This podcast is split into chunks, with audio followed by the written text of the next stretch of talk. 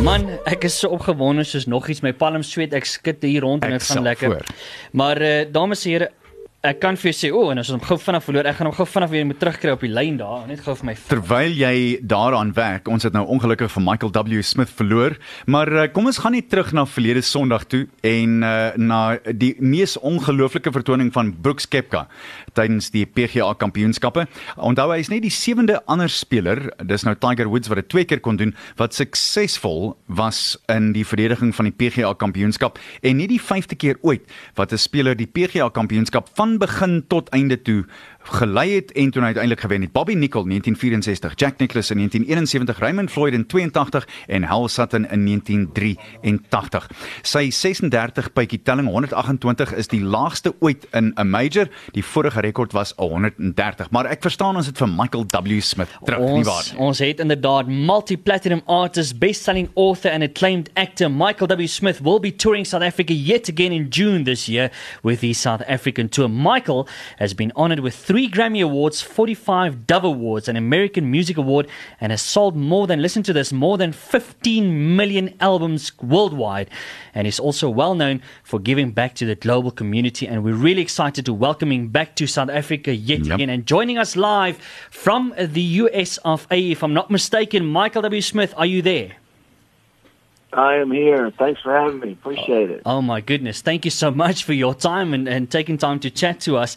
Listen, we are so excited. I mean, it's going to be happening on the 4th of June in Pretoria, the 6th of June in Joburg at the Rhema Church, and then heading all the way down to Cape Town on the 7th and 8th of June uh, at the Grand West Arena in, in, in Cape Town. So we're really excited about that. Michael, just to, to, to pull away and start chatting to you, uh, I watched that, uh, I know it's old school, but A New Hallelujah. I actually watched that again last night. The DVD, I went straight through it from beginning to end with Israel Houghton and so many other guys joining in.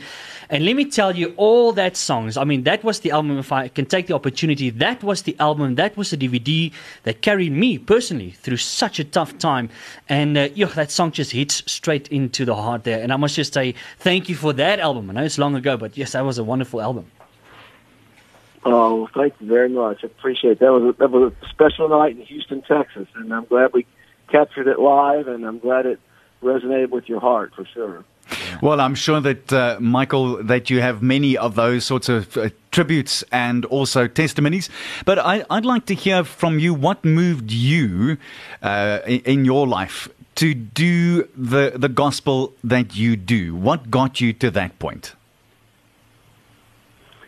Well, first and foremost, I had an encounter with the Lord. I mean, when I was ten years old, that that was a game changer. That kind of changed everything for me. Um, I mean, I was writing music, you know, growing up, and I was. I remember 15 years old. I remember just knowing beyond a shadow of a doubt that that music was going to be a, a part of the fabric of my life. I didn't know what the rules were. I didn't know how to get there. You know, and you know, one thing led to another. I moved to Nashville, Tennessee, and you know, I just kind of met the right people at the right time. And probably the most crucial person that I met was a girl named Amy Grant, and Oh, wow. you know, I ended up being a musical director and writing songs for her, and that's sort of what propelled me into people sort of taking notice of this little kid from West Virginia who uh, wanted to write pop music but talk about his faith. And um, gosh, that was a little over 36 years ago, and here we are, 32 records later. I never could have orchestrated any of it. It's just sort of still blows my mind that uh, I'm still here and still very passionate about what I do. I'm I'm excited for South Africa. I'm, I mean, we're really pumped up about this trip, so we're looking forward to it. Michael, I actually want to ask exactly that now. Uh, you've got a huge passion and a huge love for South Africa. Why is it? What is it about South Africa that you love the most? I think it's the people. Um, you know, I remember the first time I came, you know, never didn't know what to expect. Obviously, everybody's excited about the safari, and you've heard about Cape Town and Joburg and all these great places. And I just think it was the people that that captivated my heart and how gracious everybody was. And I've made a lot of friends on my journeys over there, and so I think that's the beautiful thing that I've. Uh, it's kind of it's kind of become a bit of a family for me, and um, so that's I think that's what I'm excited about more than anything. If there is one story that you can relate that your music, uh, someone came up to you and said, Your music has done this for me and changed my life in this way, what would it be? What, which is the best recollection you have of that kind of thing, Michael? Well, there's so many stories. I'm telling you. I, the one I always go to is this the 17 year old girl who was who had had so much pain in her life and she'd been abused in more ways than I can even talk about, and was just driving down the freeway in, in USA in some city and was going on her way to a lake to to, to take her life. She was going to commit suicide, mm. and and her place in this world on a pop radio station in America, and pulled her car over and just began to weep, and just began to cry, and had just an encounter with God right there on the side of the freeway, and is still alive today. That story's worth my whole career. Just one of those stories is worth everything that I do. So and it's why it's why I do what I do. So that uh, that's the one that I re- still remember to this day. I remember every little detail in that letter that she sent me explaining what happened to her. Wow, an incredible privilege. Yeah, it's huge, Michael. Uh, uh, uh, lastly, I know you've got a you've got a, pretty hectic schedule, so we're not going to keep you up too long. But lastly, what will your message be?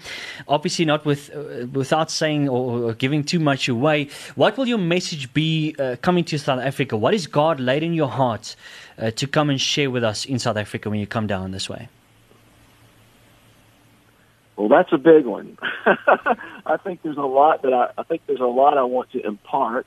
Um, you know, I, I, I automatically go, automatically think honestly, guys, about you know, there's. I know you're going to have people in the audience who are, uh, life is hard, or they can't see the light at the end of the tunnel, and so there'll be people that are desperate. You know, I just think that I would love whatever happens in this night is that people will, will re-engage with why they're here, and they're not here by mistake, and they'll just walk out just full. I mean, they'll just walk away from the night going, "Oh my gosh, that was unbelievable. I'm going to be okay. I'm going to be okay." And you know, there's there's a call of God in my life, and I'm going to make it. You know, I think that I think that's what you know.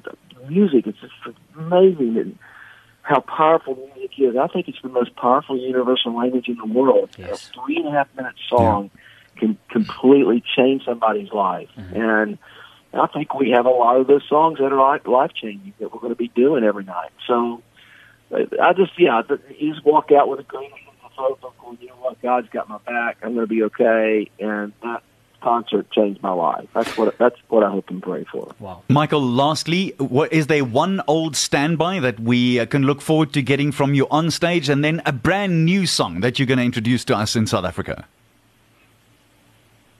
Well. Uh, not to give the whole thing away, but I think you might hear "Place in This World," which Great. is a big wow. pop hit around the world, yep. and um, pulling out some of the pop stuff.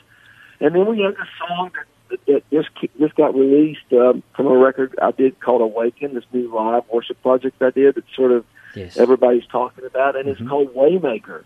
And mm. I know you probably know that song because I think somebody from I think South Africa or Africa cut that song Mm-hmm. And man, it just it it is just a hit. I mean, we go into it and everybody's singing it, so you'll more than likely hear Waymaker. Can't wait to welcome you to South Africa. Michael W. Smith, the South African Tour 2019. Michael, thank you so much for your time. I know that you're a busy man, and you're also, I know you, you coined that term, the G Daddy, right? And I think you're probably going to be very busy with the grandkids and so on as well. Uh, so enjoy your day, and we're really looking forward to welcoming you back in South Africa. Really excited. Very good. Thank you both. We'll see you soon. Thank you. God bless and look after yourself. We can't wait to have you back here. Thank you. Cheers, bye. Alright. Uh dames en here, kan jy glo? Michael W Smith in lewende lywe. Yes, ek dink nie dit gebeur gereeld nie en ek mens uh, mens moet hom seker weer baie dankbaar wees uh, dat uh, dat ons dit kon doen. So wel gedaan. Lekker yes. om hom op uh, Groot FM te gehad het. Kill druk toe. Ja, nee, ek hoor jou. Ek Alright, hoor jou. Uh anyway, luister hierso net gou vinnig weer daai datums mense. Dis die 4de Junie in Pretoria by Morletta Park gemeente, die 6de Junie by Rema Kerk in Johannesburg, dan gaan hy af na Kaapstad toe die 7de en die 8de Junie in Kaapstad Kaapstad by die Grand Arena Grand West en daai kaartjies beskikbaar by iTickets gaan kry daai kaartjies maar voordat ons aanbeweeg en voordat ek 'n Million Lights speel van Michael W Smith wil ek vir jou sê dat môre net môre slegs môre uh, gaan ons kaartjies verkoop teen 'n buy one get one free. Maar Oh. dit sluit ongelukkig Pretoria uit. Dit sluit wel Johannesburg by Rema Kerk se vertoning in op die 6de. So as jy een koop dan kry jy een verniet. 100% Wat 'n ongelooflike offer. So dis 'n buy one get one free môre op iTickets. Okay, skakel in môre op Groot FM en ons sal vir jou weer verder besonderhede gee daaroor. Dis ook vir die 7de Junie vir die wat Kaapstad toe gaan op die 7de Junie. Dis ook vir die 7de Junie, spesifiek die 7de se vertoning in Kaapstad ook. Buy one get one free. Eish. Ons is op pas met Michael W. Smith gesê. Ja, kan jy jou voorstel?